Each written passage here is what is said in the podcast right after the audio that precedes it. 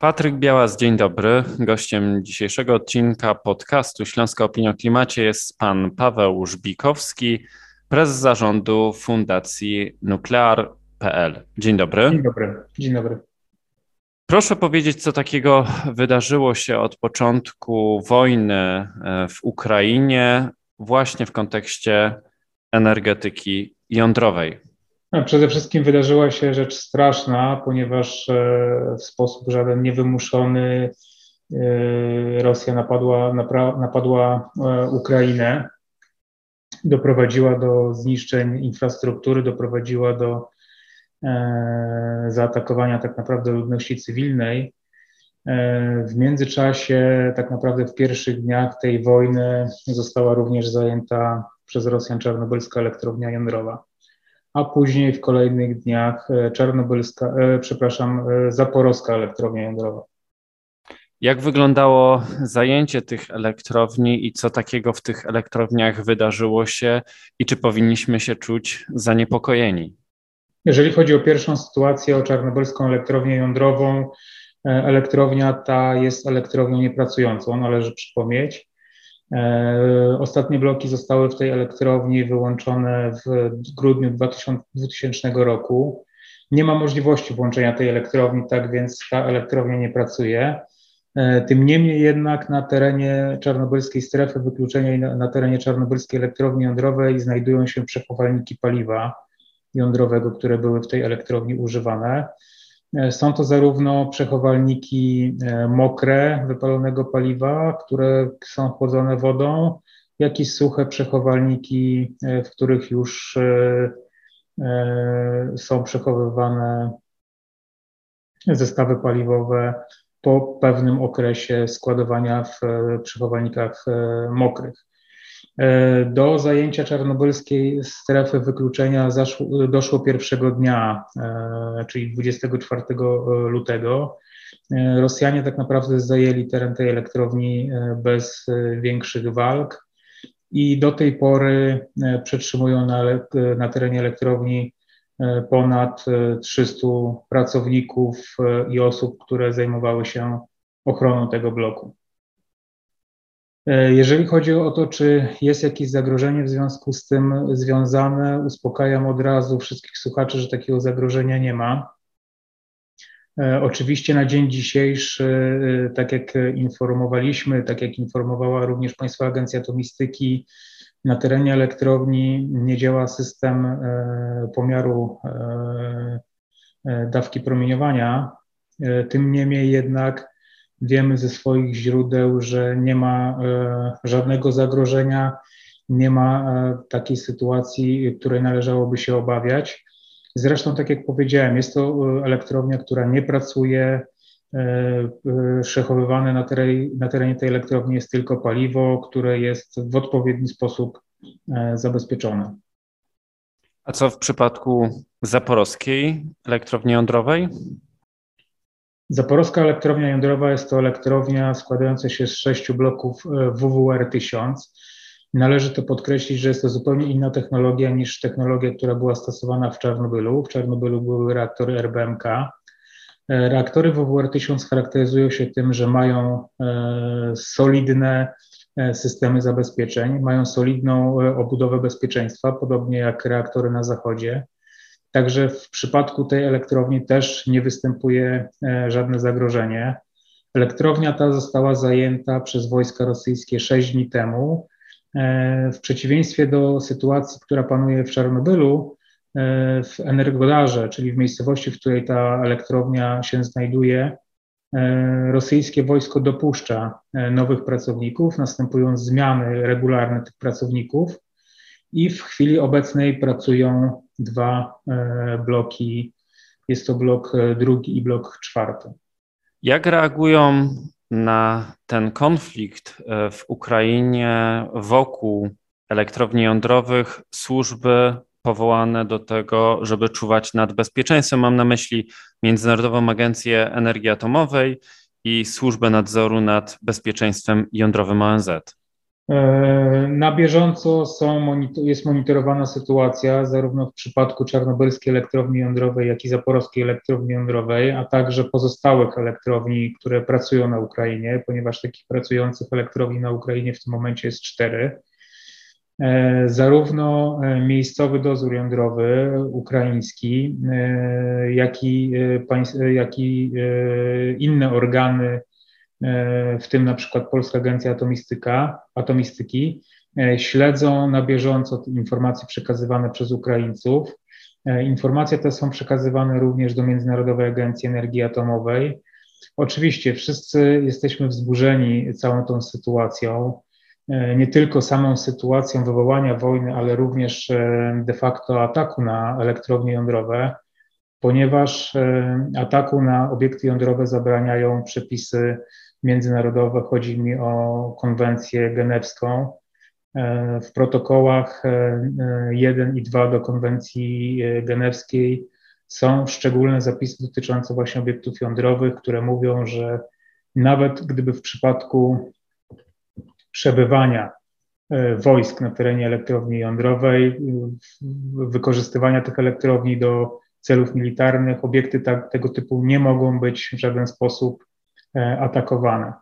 Oczywiście cała społeczność międzynarodowa jest e, oburzona całą tą sytuacją, która się wydarzyła e, i samą wojną, jak i atakiem na, na obiekty jądrowe. Nie powinno do takich sytuacji dochodzić i na bieżąco społeczność międzynarodowa monitoruje całą sytuację.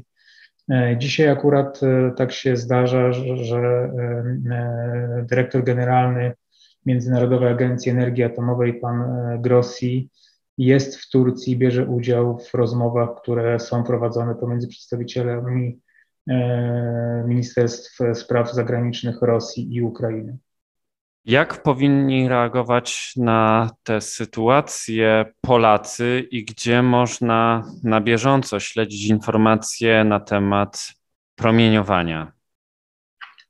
Przede wszystkim y, powinniśmy zachować spokój i nie poddawać się takiej lekkiej panice, która w tego typu sytuacjach e, występuje. E, ja słyszałem o, o wielu takich przypadkach, kiedy samodzielnie e, ludzie zaczynali interesować się używaniem płynu Lugola bądź też, bądź też innych produktów zawierających stabilne izotopy jodu. Jest to niepotrzebne, a nawet niewskazane. Z tego względu, że preparaty jodowe działają tylko i wyłącznie na tarczycę i tylko w przypadku, aby zablokować napływ do tarczycy radioaktywnego e, jodu 131. E, Taki jod może zostać uwolniony do atmosfery tylko i wyłącznie w przypadku awarii elektrowni jądrowej. Także biorąc pod uwagę fakt, że elektrownia jądrowa w Czarnobylu, która jako pierwsza została zajęta i która jako pierwsza wywołała taką panikę, została wyłączona ponad 20 lat temu, to paliwo, które jest przetrzymywane w przechowalnikach, wypalonego paliwa, o których mówiłem wcześniej, tego jodu po prostu już nie zawiera, gdyż y, połowiczny czas rozpadu jodu wynosi 8 dni. Także nie ma tu żadnych obaw, nie ma żadnego zagrożenia y, i nie powinno przyjmować się e, tego typu preparatów. Można sobie nawet zaszkodzić. E, w tym miejscu też należałoby wskazać, że e, preparaty zwane płynem Lugola, które są dostępne w aptekach, to są płyny, które służą do odkażania ran, a nie do picia. One są, powinny być stosowane do użytku zewnętrznego, a nie do picia. Można sobie, można sobie zaszkodzić nie tylko E, przyjmując sam miod, ale też przyjmując ten produkt e, do, doprowadzić do rozstroju żołądka i problemów, problemów żołądkowych. A jak pan uważa, e, jak na te sytuacje reagują Rosjanie? Czy to jest takie działanie z premedytacją? I co jest takiego specyficznego? Dlaczego tak naprawdę Rosjanie atakują elektrownie jądrowe na Ukrainie? W mojej opinii jest to e, działanie celowe. Przede wszystkim e, ma na celu wywołać strach wśród społeczeństwa ukraińskiego, ale również strach w całej społeczności międzynarodowej. To jest taki podobny sam straszak jak straszenie wojną jądrową i możliwością wykorzystania broni jądrowej. Elektrownia w Czarnobylu została zajęta pierwszego dnia całej tej operacji. I w mojej opinii są trzy przyczyny, dla których e, teren tej elektrowni został zajęty. Przede wszystkim, tak jak powiedziałem, wywołanie strachu.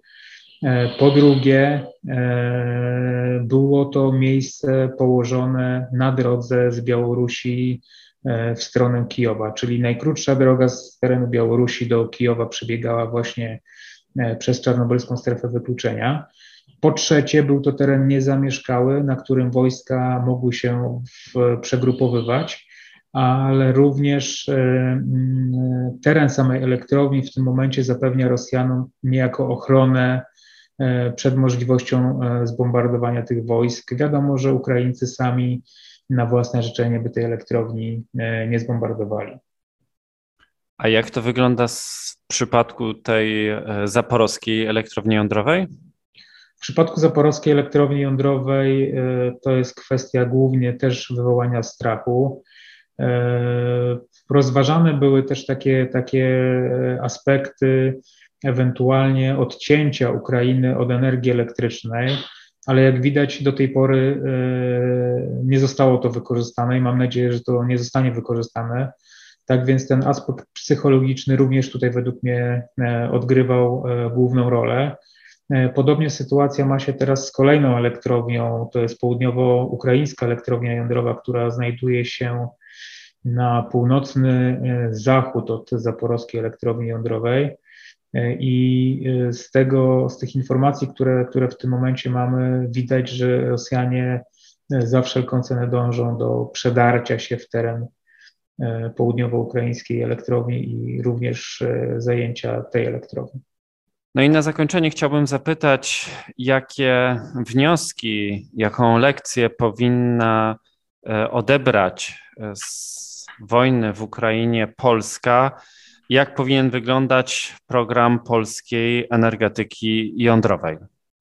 Przede wszystkim e, to, co widać już w tej chwili, nie tylko, nie tylko w Polsce, ale także na całym rynku europejskim, E, powinniśmy e, pomyśleć o e, takim zaplanowaniu miksu energetycznego, aby uwzględnić w nim jak najwięcej stabilnych źródeł. Takim źródłem na przykład jest energetyka jądrowa, a nie stawiać na rozwój i uzależnienie się od chociażby rosyjskiego gazu. Polska e, tą lekcję wydaje mi się, że już e, wyciągnęła. W tej chwili czas, aby pozostała część Europy przemyślała tą sprawę i, i, i też wyciągnęła podobne wnioski.